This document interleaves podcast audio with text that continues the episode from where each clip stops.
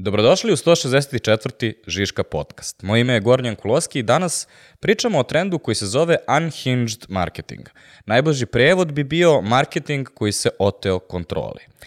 To znači da skeniraš celo tržište, zaključiš šta svi drugi rade i onda se zaletiš u so, totalno suprotnom pravcu.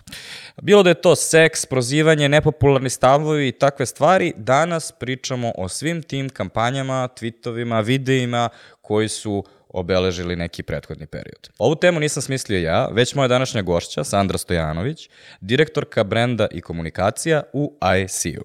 A nekada koleginica copywriterka, koja je imala tu nesreću da sarađuje sa mnom, znate na jednom od onih velikih klijenata koji imaju pet agencija, e pa ona je bila kreativac, a ja digitalac. E sad, Sandra, uh, pusti sad sve to, ovaj, kako je kod klijenta, to nam reci.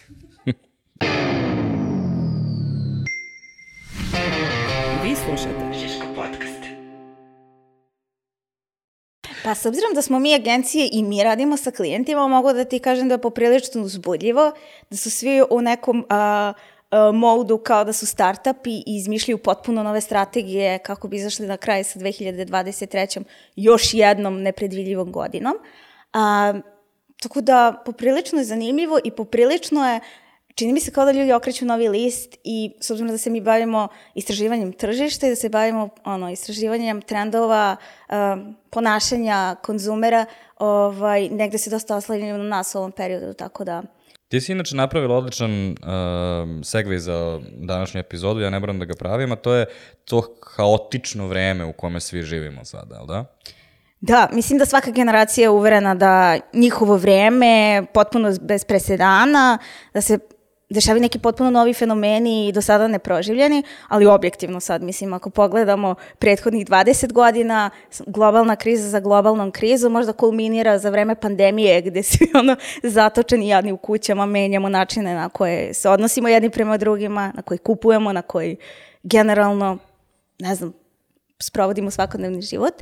Uh, tako da da, poprilično sve rekla bih, haotično i poprilično je, vlada neki pesimizam, nekako je normalizovan taj pesimizam u komunikaciji i u tom haosu kao da je marketing prosto um, adaptiran na novo nastalo stanje. Znači, uh, marketing koji se na izgled oteo kontroli u stvari samo jedan prirodan, uh, prirodna evolucija marketinga u ovom trenutku, u ovom kontekstu. E sad, uh, sve te kampanje koje izgledaju potpuno ludački su možda jedan od najzanimljivijih fenomena I to je razlog zašto sam pomislila da možda ne bi bilo loše da pogledamo neke ključne primere, da ih možda sortiramo i da pokušamo da definišemo neke osnovne parametre toga šta se dešava danas.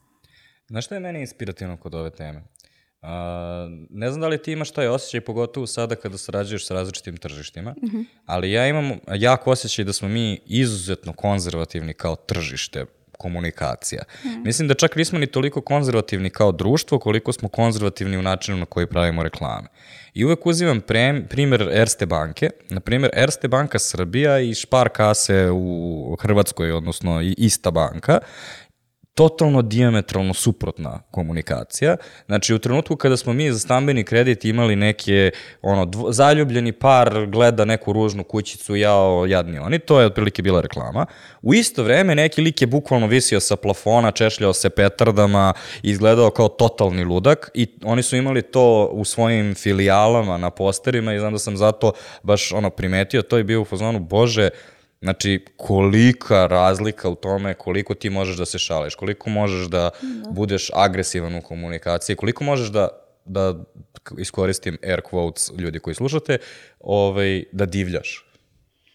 Da, tako je. Mislim, još je kao nekako možda dobar taj primjer koji si naveo, s obzirom da se nalazimo u nekom sličnom regionu i pretpostavljaš da mm -hmm. razlike nisu toliko različite, ali da, možda to ima veze sa tim na koji način zapravo dolaze briefovi u naše agencije, možda to ima veze sa tim koliko se kapitala ovde uh, obraća generalno na tržištu, ali ako recimo to uporedimo sa nekim uh, tržištima poput američkog, mi definitivno jesmo daleko konzervativni i daleko manje hrabri u komunikaciji. Mislim da svaki put kad nešto izađe iz tog šablona dobije jednu malu pecku kao, um, kao neka polarizacija pola stručne javnosti se okrene odmah automatski protiv toga, tako da vas nekako kao kondicioniraju da ne eksperimentišete previše, da stalno budete u toj zoni komfora. Uh, hajde da definišemo onda ljudima šta je u stvari tačno uh, ovo o čemu pričamo, šta je unhinged marketing. Um, I ti um, počinješ sa time što praviš neki otklon u odnosu na tradicionalne ekstremne reklame. Tako je, da, mislim da, da to u stvari dobar početak šta nije unhinged marketing, u, ko, u kom trenutku mi zapravo kažemo je ovo je nešto što trenutno smatramo uh, ludačkim.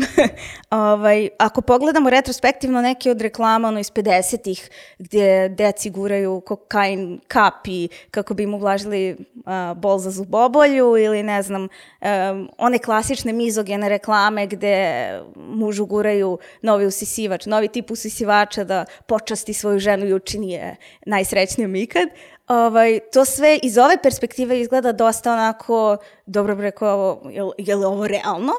Međutim, u kontekstu tog vremena to je bilo poprilično uobičajeno, na neki način manifestacija apsolutno kontrolisanog narativa i nečih, nekih normi, standarda, vrednosti u tom vreme. Ovaj, tako da to nije unhinged, to je poprilično hinged, under control. E, takođe nije unhinged ako nešto slučajno se otelo kontroli. Ovaj, recimo, bila je skoro ona um, kampanja za DAV, uh, gde deo TVC-a, u stvari, devojke koriste sapun i onda skidaju, ne znam, majicu i onda nekako kao iz crnkinje se pojavila Belkinja, kao da se ona oprala sapunom i postala be, Belkinja. ovaj, i to je, Nisam to zapazio. Mislim, izazvala naravno odma kontroverzu, odma je skinuto, odma su se kao tu učitale, počitale različiti konteksti, kao jel ste realni da je ono... Uh, benefit korišćenja dava to da evoluirate u belu ženu, ali to u stvari samo neka možda uh, manifestacija toga da oni žele diversity u svojim reklamama, ali nemaju dovoljno diverse glasova koji gledaju tu reklamu pre nego što se ona objavi i ne vide problem.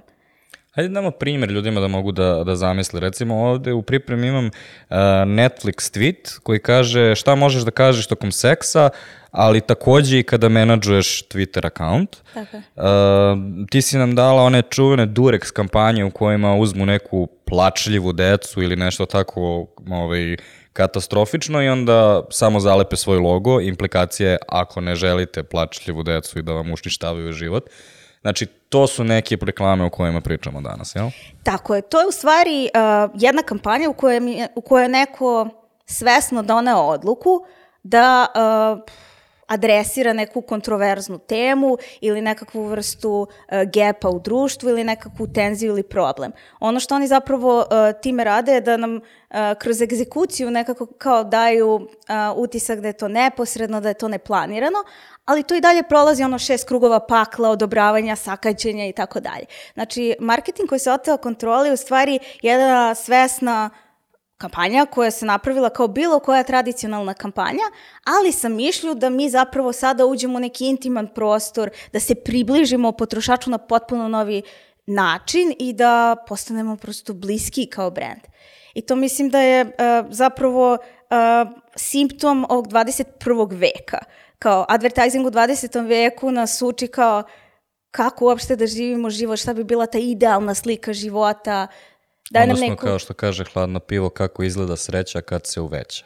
Tako je. Znači, šta bi mi mogli da budemo? Znači, da taj neki ideal. Dok 21. vek delimično zato što prosto platforme na kojima se manifestuje komunikacija poput društvenih mreža su takve da vi ste onako prijatelji sa brendovima ili pratite brendove kao što pratite svog ortaka iz osnovne škole. Kao prosto pojavljaju vam se na feedu. Znači, postoji ta jedna, uh, jedna nova propozicija da brendovi ulaze mnogo bliže u vaš život i žele da postignu neku intimnost sa vama, što ranije nije bila propozicija i mislim da su brendovi sad skapirali da da bi nam bili bliski, moraju da operišu istim kontekstima kao i mi. Ako se sve oko nas raspada, ne mogu da nam plasiraju savršenu sliku života mame koja je presrećna i nuna bebu, već moraju da operišu uh, pod istim pritiscima, anksioznostima, radostima i tako dalje, kao i bilo koji prosečni čovek. E sad, kao što smo rekli u uvodu, negde pesimizam je normalizovan I mislim da, uh, da u tom prostoru zapravo uh, to je bio preduslov da mi sad imamo više ovih kampanja koje su kao marketing, koji se otao kontroli. Lepo si to sumirala u pripremi. 20. vek je This could be you, a 21. vek je The struggle is real. The struggle is real, da. Um, šta je cilj svega ovoga? Znači, cilj koji želiš da postigneš je u stvari da neko ko čita uh, praktično napravi onaj double take, odnosno zamisli se još jedan put i kaže, je li ovo pravi profil? Odnosno u pripremi si rekla nekako još lepše. Da, da, u stvari, ako bi morali da odredite da li je unhinged ili je samo malo edgy, uh, meni se često pojavi to kao, dobro bre, ovo pravi profil ili kao, je li ovaj lik pijan? Mislim, osoba kao social media manager koji postavi ovo mora da, ono, ovo poremećeno stanje svesti, nema šanse. Toliko prelazi okvire onoga što očekujemo od marketinga i prelazi taj uh, našu pretpostavku da bi korpo filter u nekom trenutku zaustavio lansiranje takve poruke, takvog vizuala, da mi ne možemo prosto da verujemo. Ne uklapa nam se u te kategorije klasičnog advertisinga.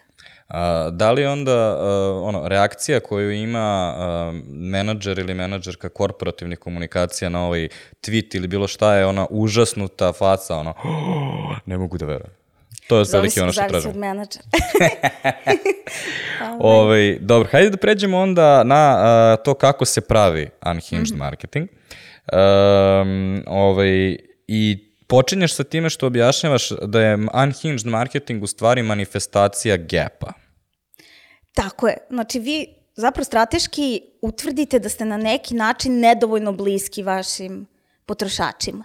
I vi sad kao nekako radikalno, poprilično ekstremno nekom radnjom želite ubrzano da im se onako neeksponencijalno približite. Znači kao da uredite jedan hrabran potez u nadi da ćete pobrati nelinarno više poena. Znači ako je nam je... Odnosno, to je onaj trenutak u romantičnom filmu kada lik koji nikakve šanse nema kod glavne junakinje uh, pokuša da je impresionira nekim veoma romantičnim gestom nečim što je i izvan njegovog karaktera i nečim što prosto na osnovu svega što smo videli ne očekujemo od njega da će uraditi. To je ona kao možda malo poluočajnički, poluhrabri. Malo mu se divite, I onda u a malo komediji ste uvek slomi nogu. a to je sad, to je A to je taj, taj ljudski aspekt svega. ovaj, ali da, ako, ako pogledamo zapravo kako dolazimo do toga, upravo je to neko strateško delenje ili neki marketing tim utvrdi da postoji gap. I to je u stvari taj uh, paradoks gde vi u startu već uh, sebi priznajete da, i- da ste malo na neki način udaljeni od vašeg potrošača. I onda smišljate kako da to uradite, ali u stvari možda egzekucija značajnija od, um, od same strategije prilikom... Kao što su naučili ovi iz GameStopa u jednom trenutku, jel da? Joj, da. E, postala ona e, baš dobra, e, dobra, opet air quotes za sve ljude koji slušaju, e, dobra kampanja gde su oni u San Francisco pustili nešto tipa 10.000 e, crvenih balona i unutra su stavili kupone za novu videoigricu e, i e, naravno dunuo je jak vetar i svi ti baloni su napravili ekološku katastrofu, završili u zalivu San Francisco. I e, da, ali generalno čak i da nisu završili u samom zalivu San Francisco, verovatno bi završili ono popucali na ulici i ne znam ko bi baš drljao po ulici, tražio kupone da dobije 10% na video igricu.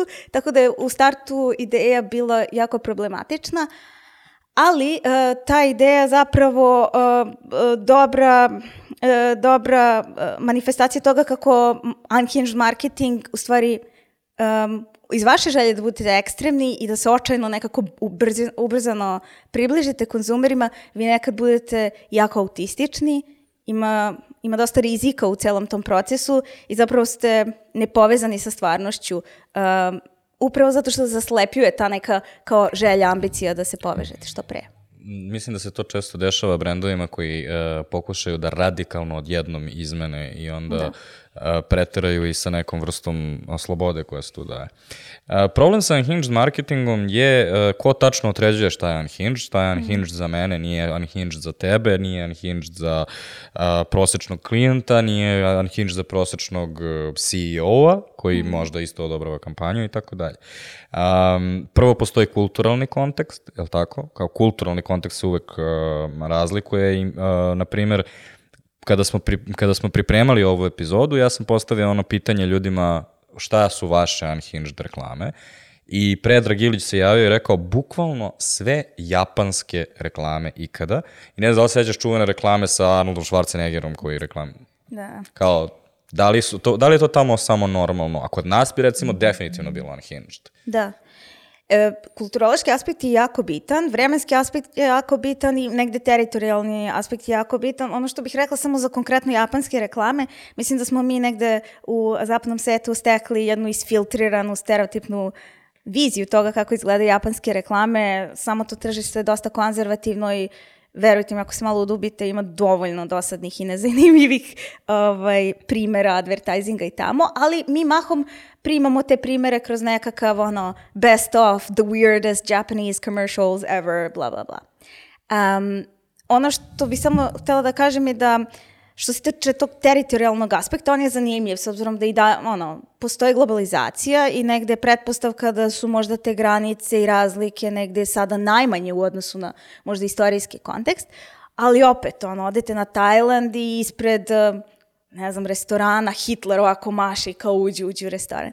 I sad, naravno, to iz naše perspektive potpuno mislim, kao ludilo mozga, ali iz perspektive nekog na Tajlandu, ono, zašto bi bilo unhinged, oni pretpostavljam ne, ne uče toliko puno o evropskim, a, a, o evropskoj istoriji, o evropskim diktatorima iz istih razloga zašto mi ne učimo puno o azijskim frontovima u drugom svetskom ratu. E, tako da on za njih, pretpostavljam, a, predstavlja mnogo manju, a, nega, mnogo manji negativan faktor, to je neki čikica koji viče na nemačkom sa brčićima i oni su ga prosto estetizovali, ubacili kao jednu purely ono estetsku figuru u, u svoj advertising. Iz naše, se- iz, izvini, samo iz naše perspektive on sa sobom vuče mnogo teže kontekste i negativnije značenje. Da, ako se sećaš, postoji lik u crtačima vor, ovaj, Patka Dače. Da. Šulc u kancelarija! Recimo, ne znam da se sećaš toga. I sad on je u stvari ta vrsta neke karikature koja, ono, koju tajlanđani praktično imaju o Hitleru i ovaj, kada je izašao taj uh, post za restoran, odnosno kad je neko to, kad je to otišlo viral, onda sam isto čitao kao objašnjenje, kao zašto je to u njihovoj kulturi daleko normalnije nego ovde. Da. Uh, međutim, imamo mi primer bliže kući, ovaj, o kojem svi uh, bruje u posljednje vreme, a to je uh, Brena i uh, ovaj ananas u čarapi. I moje lično mišljenje je da je to verovatno najbolja reklama ove godine. Ma, iskidala je I uh, svaka čast gospođi Divi uh, Breni koja je mlatila uh, ananasom uh, kao gospođetina. I uh, samo se nadam da će neka od naših ono, strukovnih organizacija tipa mm. IA, IAB, UEPS, neko no, kogod, da da toj ženi nagradu i kao da prizna kao koliko je ovo bilo ono forward thinking. Uh, I sve to govorim iako sam veoma svestan da je skinuta fora sa Baidua i da postoji i tako dalje, ali ne, ne postoji na svetu kada to uradi Brena.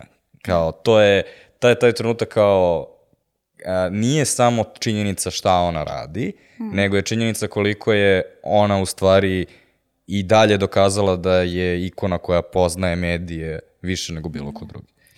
Ja bih se samo vratila uh, jedan korak unazad na ovo što si rekao, skinuta sa Bajdua i tako dalje. Mislim, smo ja opsednuti tom idejom originalnosti i da njoj prišivamo mnogo, ve, mislim, mnogo veći značaj nego što zaslužuje.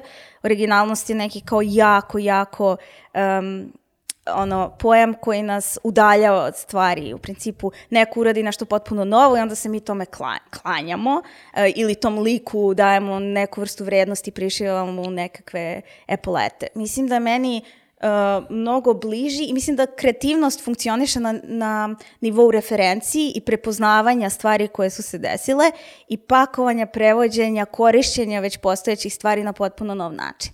Ovaj, Znaš to kako mi je- ja to volim da kažem? Uh, novo ne znači originalno. Kreativnost je osmišljavanje nečeg novog. Da. Brena koja vrti ananas u čarapi je novo.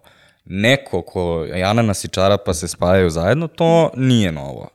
Ali ne možeš uvek biti ni maksimalno originalan, jer recimo da uzmeš i napraviš onu japansku reklamu, ovo je jednostavno nešto u tom vajbu na srpskom, to bi definitivno bilo originalno na našem tržištu, ali bi takođe ljudima bilo previše tamo daleko, ne bi, ne bi skontali ništa. A ovde se nekako sve je bilo po meni savršeno tajmovano za trenutak. sve, sve leglo na svoje mesto, slažem se potpuno, samo kada, kada promišljamo ove stvari, volila bih da nekako kao originalnost bude, mislim, negde pri dnu liste, neke kriterijuma zašto je nešto dobro. Pogotovo u tom a, momentu gde zapravo, a, mislim, na društvenim mrežama čak i dobro da vi multiplicirate nečije ponašanje, da replikujete, da mirorujete, da amplifikujete uti, mislim, uticaj uh, određene komunikacije i nema tog ono uh, dopamin hita koji možete da da dobijete iz toga da vas neko obožava kao pojedinca, do toga da dobijete nekakvu kolektivno zapravo uh, validaciju. Tako da meni je to ono topla preporuka za sve, ako tražite validaciju, tražite taj neki ono kolektivni uh, uh, moment više nego ego trip gde vam neko kaže ju, to si uradio i to niko drugi ne može da uradi. To je toliko originalno da si ono genije. Ovaj. Ali Brenin primjer nam u stvari savršeno oslikava i šta je problem sa unhinged marketingom, pogotovo u našoj kulturi. Uh mhm. -huh. I ne znam da li si ispratila, ali Kesić je stavio Brenu u svoj onaj, a šta radite bre, ljudi bre i tako dalje. Mm. Znači, posle Dačića, ide Brena i on koji je u fazonu mršti se ne konta i tako dalje. Um, I to je problem sa, u, pogotovo u našoj kulturi, zato što je unhinged marketing uvek lako da se podsmevaš na veoma bazičnom nivou u smislu šta je ovo. Mm. A šta je ovo je željena reakcija, kao ti želiš da se ljudi zapitaju šta je ovo jer zato reklama radi. Tako je. E, procena toga šta je unhinged je zapravo u vezi sa našim vrednostima i stavovima. Znači, u principu, u svakom trenutku, u svakoj nekoj mikrozajednici, nešto što je unhinged uh, može na nekom drugom mestu ili u drugoj grupaciji ljudi prosto bude procena neku potpuno normalnog ponašanja. E, za nas je Brena i Ananas unhinged, e, delimično zato što izneverava dve kategorije. Prvo, kako mislimo da eto, na tom tradicionalnom tržištu komunikacije treba da izgleda reklama. Ona znači žena u nekom ono, prodavnici, iza nje čarape, lutke i ostalo, loše osvetljenje, drmusa neki ono, ananas u čarapama, takođe izneverava i to šta mi mislimo o Breni. Ona je diva, ona je ono, ikona jugoslovenstva, bukvalno kao Beyoncé svog vremena.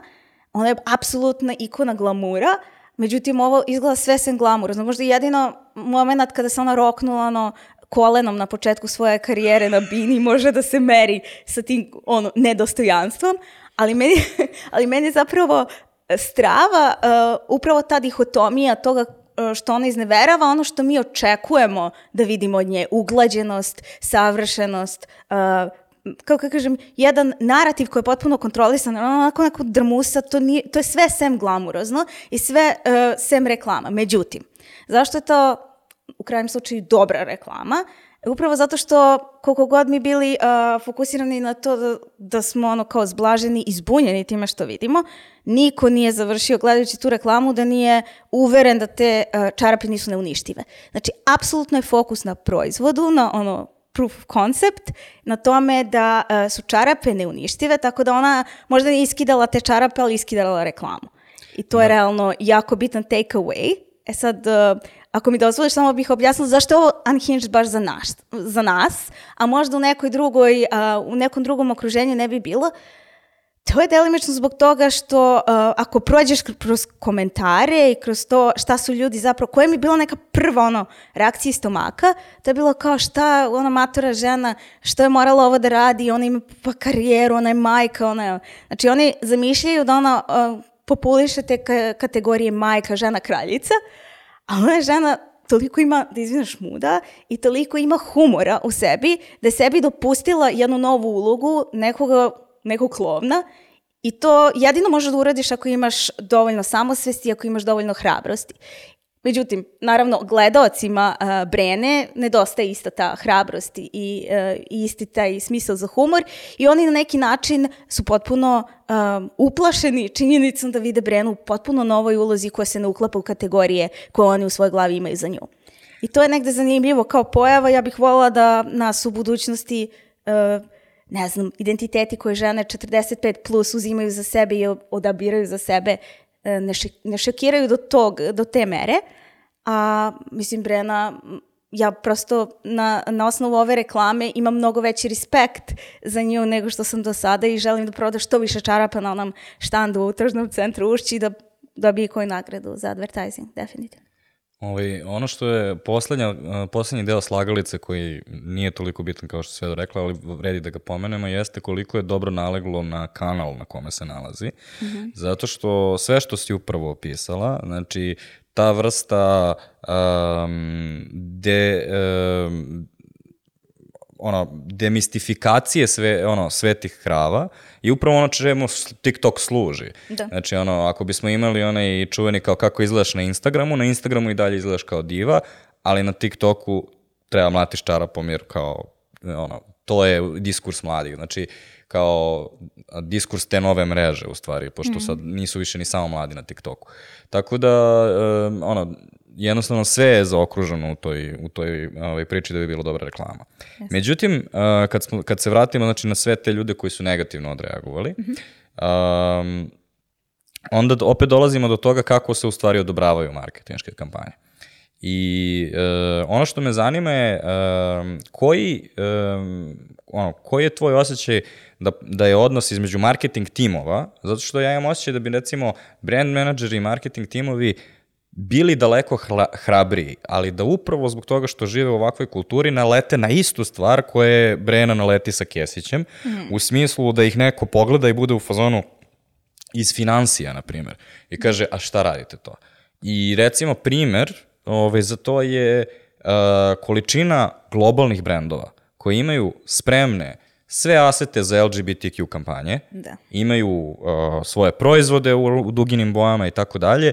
Svi su u fazonu da je on brand, ali u domaćoj kompaniji se to ovaj, spauzira, ne zbog toga što nije dobro za, za brand, u smislu konzumenti brenda su mladi, osvešćeni, mislili bi da je to cool, mm. ali unutar kompanije ljudi koji rade su u fazonu, ne, ne, to je suviše, otprilike, ono, sales team će da bude u fazonu razapećao Mm. Koji je tvoj osjećaj?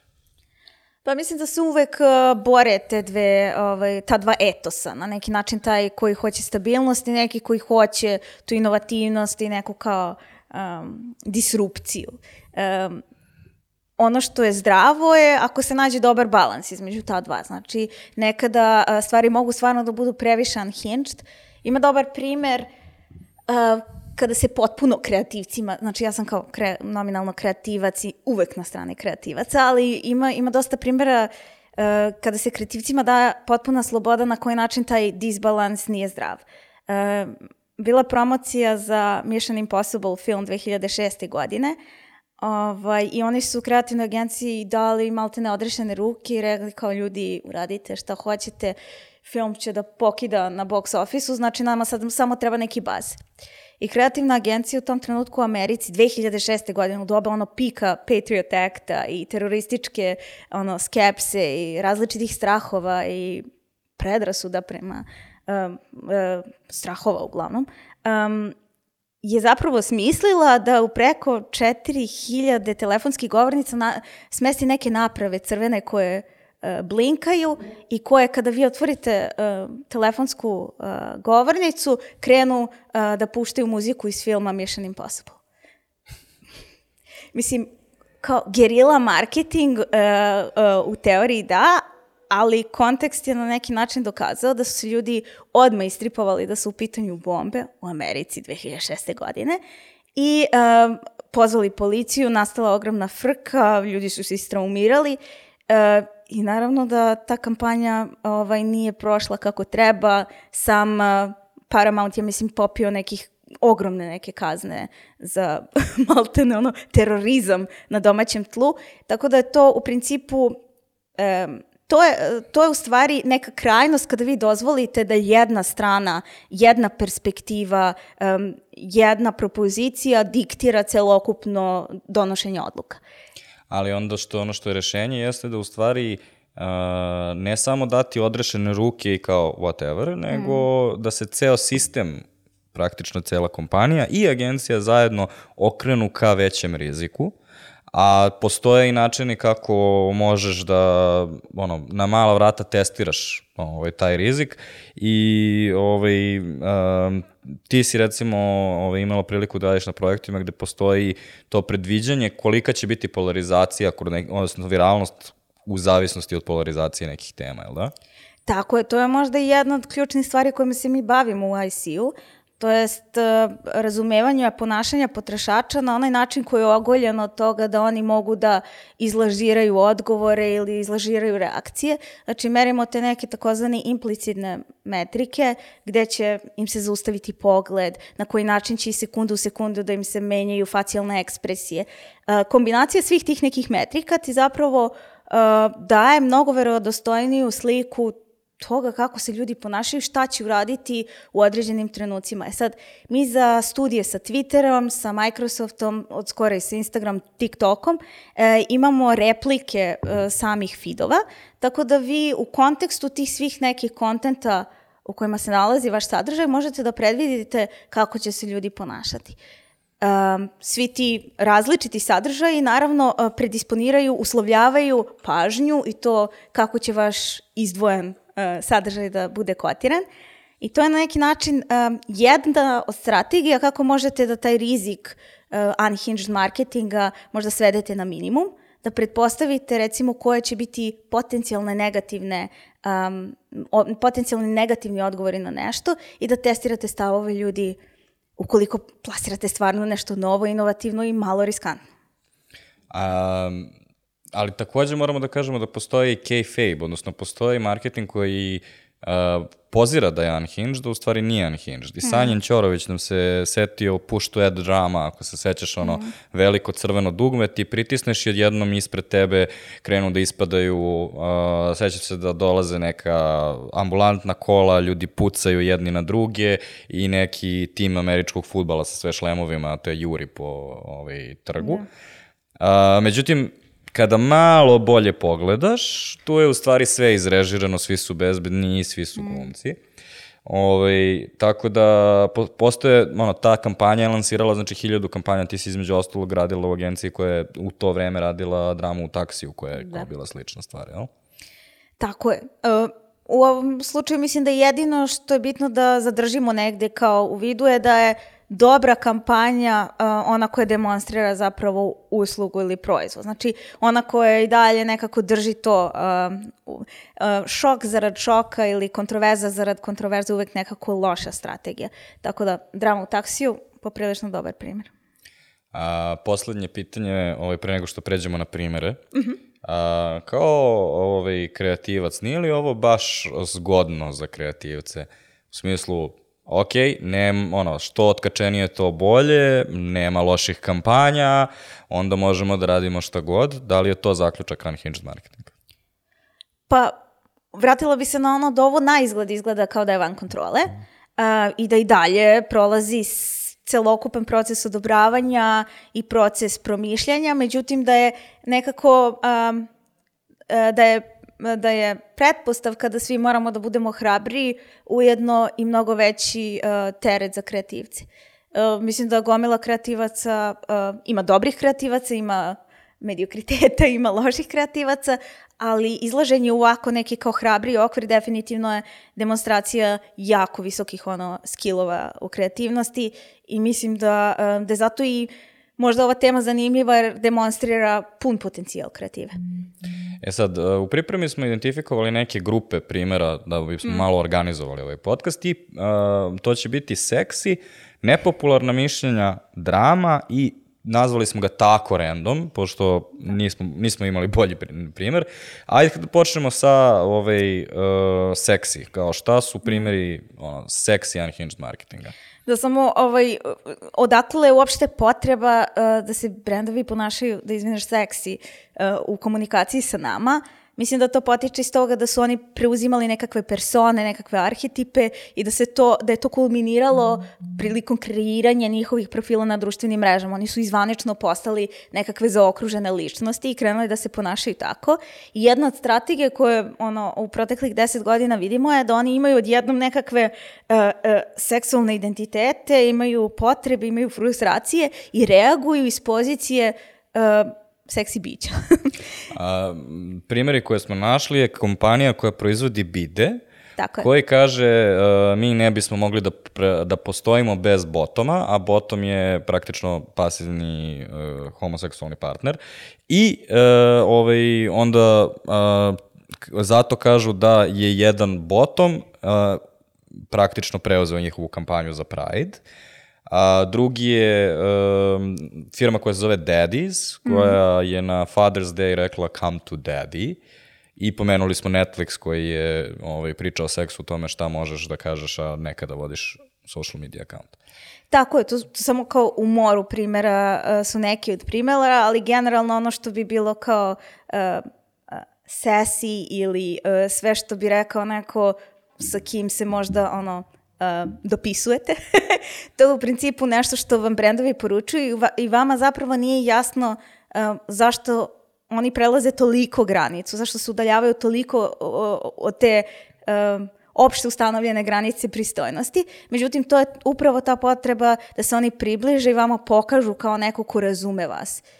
Ali e, kako se ovo razlikuje od tradicionalnog odnosa advertisinga i seksa? Uh, znači imaš čuvene Calvin Klein uh, oglase od uh, Marka Wahlberga, Wahlberga, do Davida i sa David čarapom, uh, Brooke Shields. Uh, Kate Moss isto bila onim- poluobnažena i tako. Da, da, ali više mislim na one veoma aprijatne poze koje su nekada bile, znači Da. to je daleko više, ono, nije samo neko je obnažen, nego je neko je obnažen i u submisivnom je položaju, odnosno fizičkom, fizičkoj pozi. Um, što se tiče lokalnog tržišta, uh, znam da je nekada bila ona reklama uh, tange na krugu, pa kao reklama za Mercedes, jer izgleda kao Mercedesov znak. Uh, bila je ona čuvena reklama uh, žena koja liže auto i kaže može auto na leasing. Kao kako se razlikuje ovaj novi talas? Pa u principu oni se svi koriste uglavnom ženama kako bi na neki način stavili temu seksa na sto. Međutim, u ovom trenutku zapravo brendovi preuzimaju seksualni identitet. Oni imaju nekakva mišljenja, imaju nekakve potrebe i oni se ponašaju kao seksualno biće. I to je ta zapravo, to je to pomeranje koje se desilo, koje je jako zanimljivo, gde se oni ne koriste drugim ljudima, nego oni postaju akter. I to je ta, uh, to je ta razlika i mislim da je zanimljivo da otvara prostor, jer um, ako pomislite, brendovi su zapravo skupovi ljudi, neki gomile nekih ljudi uh, koji prodaju proizvod. I onda na koji način mi zapravo zaboravljamo da oni prodaju proizvod i da nije u pitanju samo jedna osoba um, i na koji način se kreiraju, kako kažem, okvir za tu strategiju i komunikacione granice. To je isto zanimljivo. Ja nisam radila ni u jednom brendu koji se tako postavi, ima takvu, ali bih voljela da vidim uh, kako ide taj brainstorming. I da li se recimo nekom social media menadžeru ipak da neka sloboda i kako izgleda u stvari proces postavljanja tih stvari. A, sledeće što smo identifikovali je nepopularna mišljenja i rekli smo to je ono Durex kampanja sa plačljivom decom, ali u stvari ova kategorija se dosta vezuje za bilo šta što ima veze sa toaletom, pa onda a, Mina Knežević nam je poslala Put to the Loo, što je neki UNICEF-ov projekat gde, gde objašnjava bukvalno kao kako se skupljaju fekalije, pa onda sve fekalije idu u neki koncert, a sve to je metafora da ti objasni kako u stvari a, treba da doniraš negde za a, čistiju kanalizaciju. A, čuveni skvoti poti sa jednorogom koji kaki duge, ako se sećaš toga. Mm -hmm. Kao, um, to su ono stvari koje su se ljudi setili ove, kao ovde, a ti se setili, setila uh, još jedne ideje. Tako je, mislim, pored ovih uh, možda nekih klasičnih primjera, već smo pomenuli Durex i to kako nekako frejmuju decu kao krajnje nepoželjne i kao, obično decu stavljaju, stavljamo u advertisingu u pozicijama kao slatki su, prelepi, sve nekako duge i, i cvetići, bla, bla, međutim oni koriste decu kao ala da vam dokažu da vam kondomi trebaju. Ovaj, I to je to neko kao malo edgy i kontroverzno mišljenje gde ste u fazonu da li je pro-choice, dotiče se mnogo tih tema ljudske reprodukcije, sloboda i tako dalje. Međutim, um, setila sam se da je Vlada Ćosić, moj bivši kreativni direktor, um, koji je trenutno u reprezentu, ovaj, imao taj neki kontrolni, tako zvao, kontrolni koncept, gde god ima neki cool koncept i želi da on prođe, uvek stavi taj drugi kontrolni koncept, gde je uh, koncept faktički parada, gde su toalet, uh, šolje, toalet šolje, ovaj, a, paradiraju kroz grad i nose neke transparente ili uglavnom je u vezi sa konceptom koji žele da guraju, tako da su adaptirali svaki put a, kreativnu ideju, ali toalet i šolje su bile ono što se pretpostavljalo da će ljudi odbiti. u korist ovog koji nam je bio favorit. Tako da mislim da u klasičnom advertisingu sve te uh, gadne teme, sve ono što želimo da sakrijemo, setimo se, to smo rekli, 20. vek nam govori da je sve savršeno, prelepo, čisto i ono divine. Uh, sad u 21. veku maltene kao da izlazi iz uh, tih ćoškova i to postaje materijal, to postaje inspiracija. I onda se Vladimir Mladenov setio onih čuvenih reklama za Vojvođansku banku sa Cvijanovićem, kojom je bilo Ogrlićem. A, je se sećaš tih reklama? Sećam se da je bilo jako Jako grozno, jako šokantno, a, ali i takođe urnebesno i sigurno jedna od a, ono, najvećih reklama koje je srpski advertising ikada proizveo. Slažem se. Mislim da je to to kao um, proizvođenje reakcije koja je autentična, koja je jaka, mislim, u, po, i svom intenzitetu je jača od one kada vidite nešto što prepoznajete ili što ste videli sto puta. Znači ovo je, um, u tom trenutku sada ako neko napravi vrlo sličnu reklamu, mi ćemo se setiti našeg utiska iz prethodne, možda će intenzitet već opasti. Ali svaki put kada damo neki, neku novu propoziciju ili neki novi ekstreman scenario, mi zapravo proizvodimo jedan unhinged uh, moment. Ali takođe, uh, jako je bitno da su to Cvijanović, Bijela i Kojo. Tako je. Jer oni nas uveravaju da je ipak okej. Okay. Jer kad vidimo njihove face, onda znamo da gledamo skeč. Mm. I onda možemo da istrpimo one velike testere koji mu seku noge, onda možemo da kažemo da ona creva ili jezik šta mu ono seče i šiklja krv iz toga, onda možemo se nasmejemo na to zato što da, da, ovo su ovo su kao glumci, kao čuveni, znamo da gledamo skeč. Da. Zamisli, Definitivno zamisli ne bi- samo isti spot, Da. ali ne znaš ko, kao, ono, ovo je kompanija objavila jer je mislila da je smešno, bukvalno razlog. Pa da, mislim, zamisli da dovedu neka tri nabildovana lika, ona Samirjeva, bukvalno, ja bi se zabrinula. Morala bi da zovem ono da proverim da li je sve okej. A, dobar dan, casting agencija. Znači, otvorite stranicu Mirjevo. Dobro, idemo dalje. A, ovaj deo smo nazvali drama. Ove, uh, I odlično ga u stvari uh, sumira onaj TikTok zvuk uh, Am I the drama? I don't know. I don't think I am. I uh, imaš primjer za to Lil Nas X. Uh, tako je da on je nešto kao uh, faktički se žalio na m, kao u stvari Jack Harlow se žalio uh, javno je tweetovao da u KFC-u nije dobio uslugu kako je hteo, da su svi bili nešto rude, bla bla bla. Uh, a Lil Nas X mu je tweetovao kao, kao oh, so you like the meal. U principu to je kao nekakvo javno prozivanje, uh, eksplicitno konfrontiranje, nešto što ne očekujemo tako, um, kako da kažem, u tako direktnom modelu da se dešava. Uh, očekivali bi možda da u DM-u ili da je malo subtilnije ili kao I'm sorry you had this experience dude ili nešto tako. Ali ovo je bukvalno uh, he woke up and chose violence.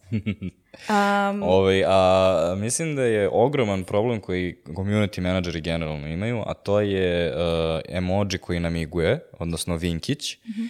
a, kada pokušavaju da kao budu edgy i kao pokušavaju da urade ovo, a onda stave taj vinkić i onda sve ono, ode u majčinu, jer u suštini uh, poenta je da ti moraš da veruješ drugoj osobi da će skontati da se šališ, iako to što piše nije šala. Da.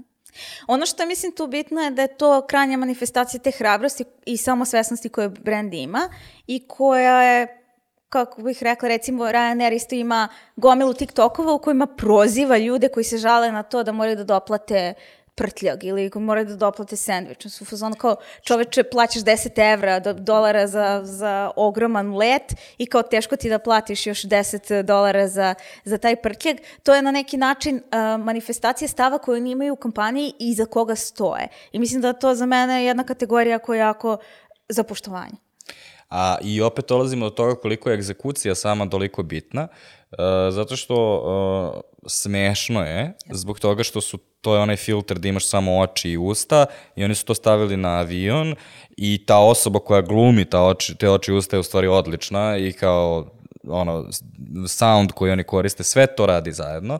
I Yeah. recimo, Onako, da. da sve, sve je u principu u jeziku onoga što prepo, um, prepoznajemo kao neki trend na TikToku koji je prilagođen za potrebe njihove komuna, komunikacije, njihovog stava. I ti zapravo shvataš absurd cele situacije upravo zato što oni koriste banalne alate i banalizuju celu situaciju, tebi postaje jasno stvari njihova strategija više nego da su izdali, ne znam, ono PR statement o tome kao ljudi, molim vas, mi ulažemo puno u to da je vaša udobnost ili šta god. Želimo da optimizujemo troškove. Efekat ove vrste autentičnosti je mnogo jači, veći i na neki način kod mene kao nekoga ko je možda imao otpor prema Ryanairu, sad imam blago ono kao simpatiju prema Ryanairu. Iskreno, mene su zeznuli jednom. Ove, ja sam leteo Ryanairom, Ryanairom i ove, uh, morali smo da izbegnemo uragan i onda sam uh, sleteo na drugi aerodrom i onda sam morao da prespavam tamo i bukvalno sam teo da zapalim uh, svaku poslovnicu koju vidim sa Ryanairom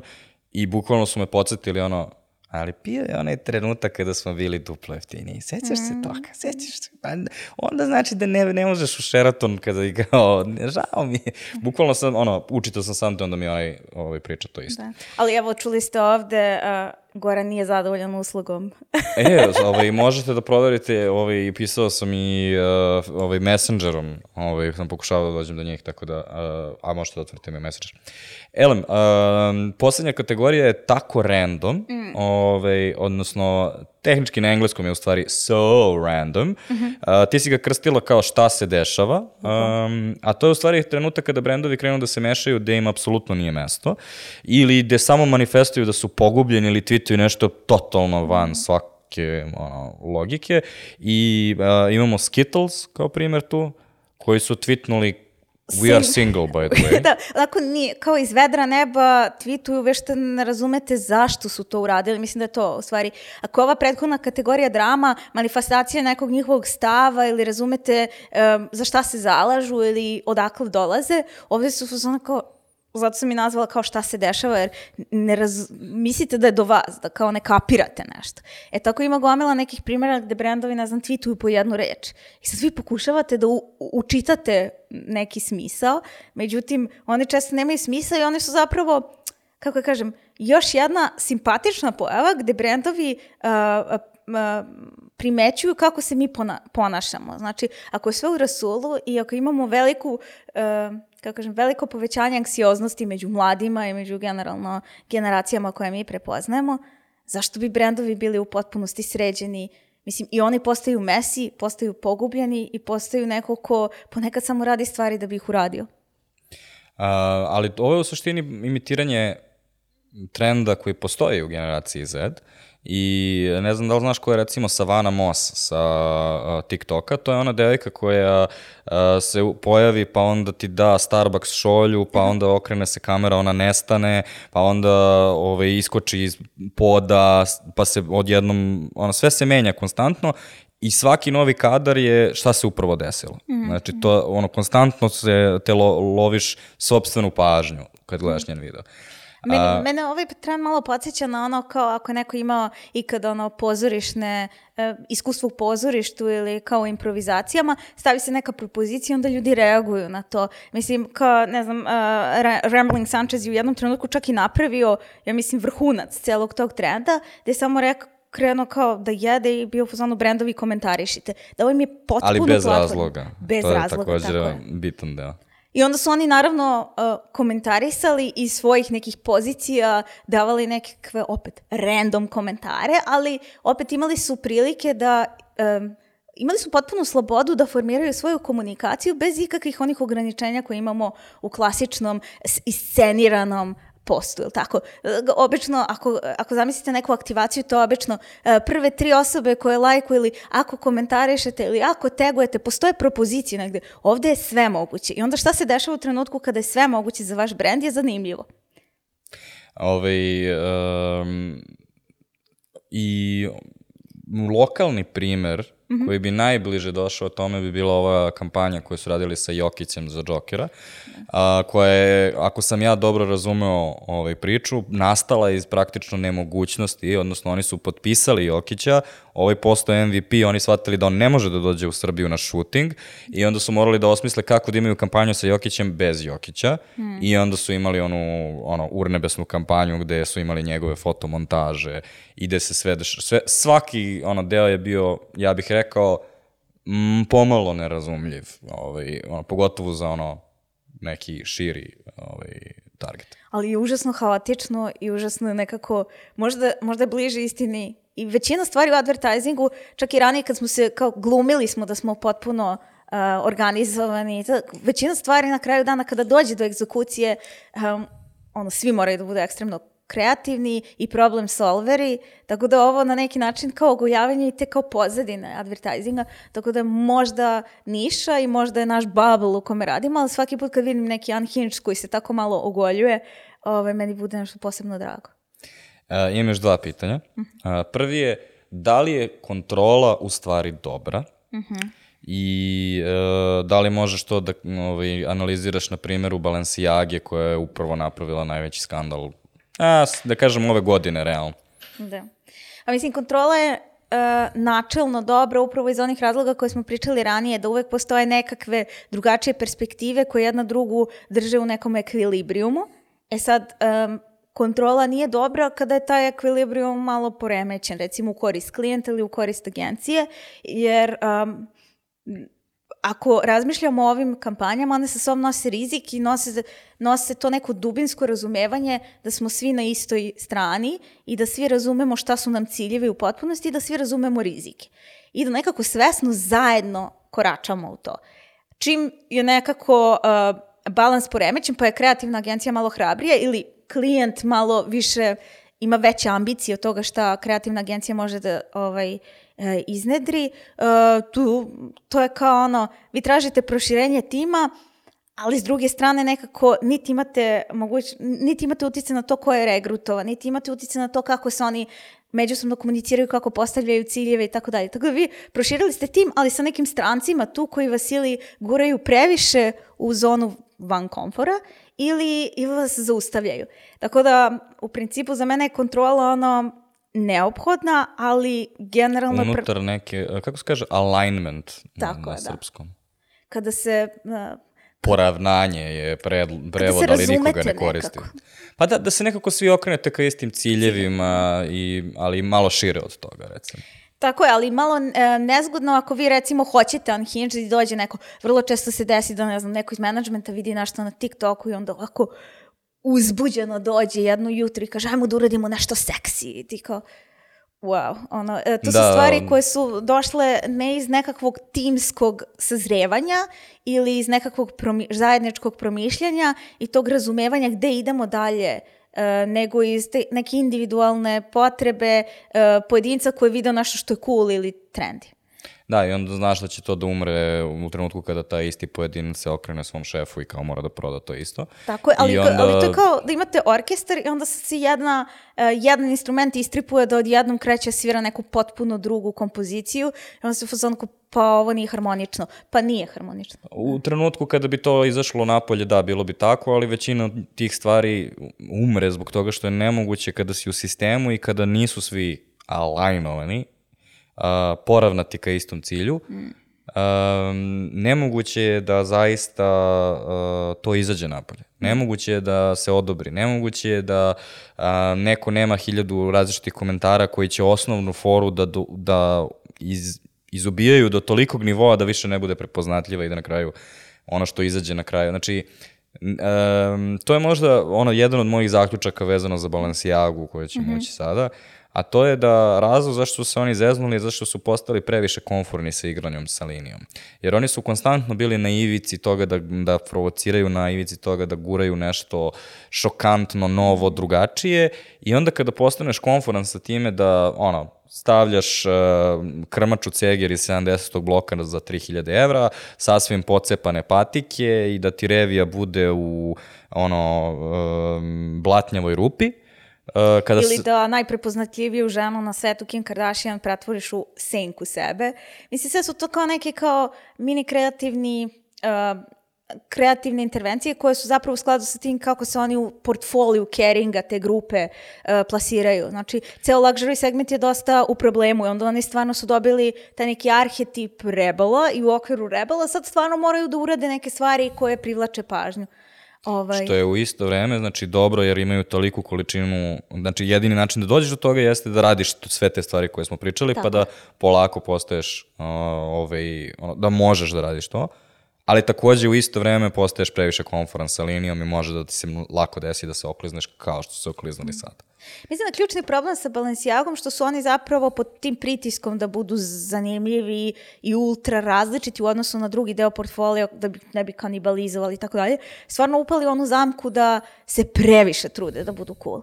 I to ih je nekako zaslepilo u ovoj kampanji i generalno u prethodnim kampanjama je nekako um, um, ranije luxury brandovi su imali jednostavan algoritam. Znači, vi nikom ne pričate da ste cool, da ste uh, premium, nego već živite to i na neki način ono kao ljudi drugi percipiraju vas kao cool. Bogataši kupuju to, drugi bogataši prepoznaju da vi imate to, mi ostali siromasi možda ni ne razumemo sve te nijanse kuloće koje ima, ali niko ne ide ispred brenda i e, eksplicitno svima u masu viče ovo je ekstremno cool. Međutim, Balenciaga upravo to radi. Non stop svima pokušava da dokaže, kao onaj iritantni lik iz razreda, što malo pre ono kao sluša narodnjaki, odjedno kao sluša, ne znam, Tupaka. Mislim, poprilično kao čak nije ni neki ono ultra niša rap, nego mainstream rap. I onda je došao i svima soli pamet kako on sad ultra alternativan, cool i ne znam šta. Znači, jako um, način na koji oni manifestuju svoj cool je tako što izlaze i stalno se trude da nama dokažu da su cool, što ih diskvalifikuje da budu cool. I mislim da u, ovom, da u ovoj situaciji za ova, ova kampanja Gift Shop koja je proizvela ovu ogroman backlash, um, uh, Demna, kreativni direktor i ovaj neki Galimberti, dokumentarni fotograf, su bili duo koji je možda najgori duo na svetu za saradnju, jer je Demna taj lik koji je onako iskreno malo mukica, koji bio ono clout zarad klauta, a Galimberti nije imao dodira sa svetom, uh, ovom modnom industrijom koja funkcioniše kao ono, mašina, mehanizam, uh, nešto što te kao ubaci i izbaci, poprilično je razrađena. I oni su zapravo iskoristili njegov koncept gde on slika decu sa igračkama i to je njegov... Uh, Da razum, normalno slika decu sa igračkama, to su portreti gde ti možeš da ono, doživiš dete u svojoj sobi i kako se ono igra i kao dobiješ neku širu sliku iz same fotografije. To je ono što Zapravo je dobra ta serija jer nam daje uvid u to kako izgledaju ti dečiji svetovi. Uh, sam izbor igračaka je autentično, uh, su igračke te dece i ti zapravo ulaziš u te neke mikro univerzume. On takođe estetizuje te slike na način da tu postoje sad gomila nekih poruka, ali u krajem slučaju to je sve jako uh, dobronamerno i sve je jako zanimljivo i sve je jako fokusirano na to da tu decu prikaže kao jedne male ljude koji imaju svoje svetove. Međutim, oni u ovom trenutku njega, u ovom trenutku njega koriste kao alat za njihovu kampanju koja se zove Gift Shop, kroz koju plasiraju gomilu nekih uh, igračaka uh, i sad ne bilo kakvih igračaka, već medvedića koji su BDSM, ono, odelcima, imaju fishnets, imaju poprilično onako edgy priča. E, to je jedan deo kampanje, u drugom delu kampanje koriste popularne ličnosti gde onako elemente ovog edginessa i zlostavljanja i sve- svega što, što, što hintu ovamo predisponiraju tako što rekviziti predstavljaju recimo e, prepi, transkript e, e, slučaju u kome se e, ono, child trafficking e, razrešavao. Znači, bukvalno su koristili temu zlostavljanja dece kao da je nešto najnormalnije, kao najnormalnija strategija na koju smo svi mi naučili e, i estetizovali i iskoristili u svoju svrhu. Međutim, ono što, zašto je to e, čudno je, zato što to prvo što nema veze sa njihovim brendom, znači u, u, u najmanjim, u najmanjim ono slučaju nema veze sa brendom, drugo što je iskreno samo traženje um, uh, prelaženje granica zarad toga da se izazove kontroverza, a ne uh, zarad našeg produbljivanja veze sa, uh, sa samim brendom. Uh, Dobro, ja nisam ostio do sada isto, mislim, a ja nisam baš stručnjak za, za high Za to. fashion, ne znam da li ste to primetili do sada. Ma kako ovaj, ali, ovaj, ono, meni delo da je shock value bio ono što su oni pokušavali sve vreme i kao da je ovo konzistentno sa time. Da. Ono što mislim da je bitno da osvestimo da ne postoji objektivna stvarnost ovde i da je recimo ceo početak tvoje analize je odličan uvod u stvari šta se desilo, jer svaki put kad oni to urade, a, ok, kao, malo sam im dao pažnje zbog toga i sad znam ko su, ali takođe da je kind of a douche. U smislu, ono, malo su kreteni i kao malo se vi drndate ovde i kao, e sad opet nešto ste napravili i svaki put je bilo malo zrno više dalje i onda su ovde ali samo... dobili su pažnju svaki put i mislim da su dobili Da. taj pozitivni reinforcement i oni su Ali ne nastavili znam da da... se sećaš kada su lansirali patike. Kao kada su lansirali patike, isto je postojao dosta veliki backlash koji su ljudi imali, ali ne ovoliko. Da. I ono što se u stvari desilo, samo se napravila kritična masa jer kao brand jednostavno, ono, javnost se jednostavno u trenutku okrenula, možda zato što ništa nismo imali pametnije da radimo te nedelje. Putin nije bacio nuklearku te nedelje i onda smo u fazonu, oh well, no news day, ajde da kao sad Balenciaga, pa, ali dokaz to, tome su ti svi oni vide i teorije zavere koje su se vrtele oko toga Balenciaga je, znaš, od Baal, što je u stvari paganski đavo. Da. Ili uh, ono, uh, na, jednom, na jednoj od slika stoji milkshake i taj milkshake je uh, između nogu deteta i ljudi su u fazonu ovo je penisoidno, ja sam u fazonu niđe veze, bukvalno ono dva metra, ali okej. Okay. I sad fora je u tome što nije bitno u stvari šta ti vidiš tačno i sad da ja izvadim metar i kao da vidim gde je tačno taj šejker. Nego je point u tome da pogrešno su pročitali sobu.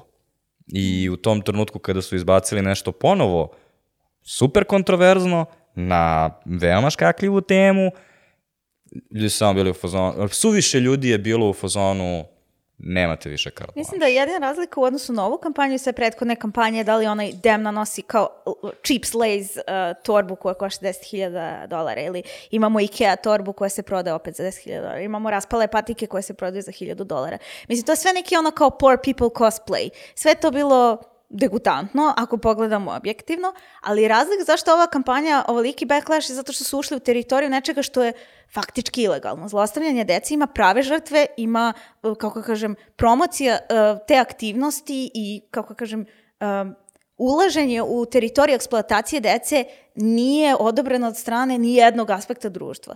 Tako da, u principu, oni su prešli granicu koju su videli. To nije baš suptilna granica, Znači... E pa sad, e, to je pitanje, uh, ono, ako bi objektivno bez e, konteksta pogledala te vizuale, deca nisu zlostavljana, zlostavljane su mede, to jest čak i su ni zlostavljane, nego su BDSM-u, tako da i to sad, ono, Hoću da kažem da u trenutku kada... Ali evo vidi sad ovo, znači neko je morao da izabere rekvizite, ovaj Galimberti tvrdi da on nije da, imao nikakvu, nije. nikakvu slobodu u tome da je samo došao na set i kljockao, ali da su ljudi, 25 ljudi je bilo u, u core timu koji su uh, kreirali uh, setting i koji su birali rekvizite. Ti ako moraš da odabereš rekvizit i namerno plantuješ ono transkript uh, sudskog slučaja gde je u pitanju trgovina decom, to je svesna odluka. To je odluka u kojoj ti se povezuješ sa nekom temom koja ne samo da je kontroverzna, nego, mislim, šta, šta zapravo kao E sad, onda možeš da ideš dalje da su recimo oni izdali uh, ovaj, izjavu da to nisu ista snimanja, da je to neka druga, uh, drugi set, a takođe da taj, naravno da to nije trebalo da ostane na setu, nego je to neko zgrabio, scenograf nije znao šta je. I sad jer, možemo jer to da... svugde leži, znači transkripti sa suđenjem. Ali, znači odvojeni po, podcast o Balenciagi, ovaj, uh, uključujući i nagradno pitanje uh, da li je flexing kada MC Stojan seče svoje Balenciage. Jeste. Ovaj, tako smo zaključili u prethodnoj epizodi. Ali, poslednje pitanje vezano za unhinged marketing je da li je ovo pomodarstvo i da li je ovo sad nešto o čemu mi pričamo pa će da prođe mm -hmm. ili je ovo trend, da li će ovo da ostane neki duži period? Pa mislim da to dosta zavisi od toga u kom smo mi ono mentalnom stanju. Ako je uh, cela ideja da su se platforme i načini komunikacije pomerili u korist toga da brendovi moraju da ostvare neku vrstu autentične veze sa ljudima, da, da budu intimno povezani sa ljudima, da bi uopšte bili uh, um, razmatrani, da bi uopšte bili voljeni, da bi uopšte bili preferirani. Uh, to zavisi od toga kako ćemo mi kao društvo da pomeramo komunikacije. Sad, u sledećoj godini, ako pogledate, ne znam, ono, različite bucket liste, sve više Gen Z-eva i milenijalaca želi da ograniči svoje korišćenje društvenih mreža.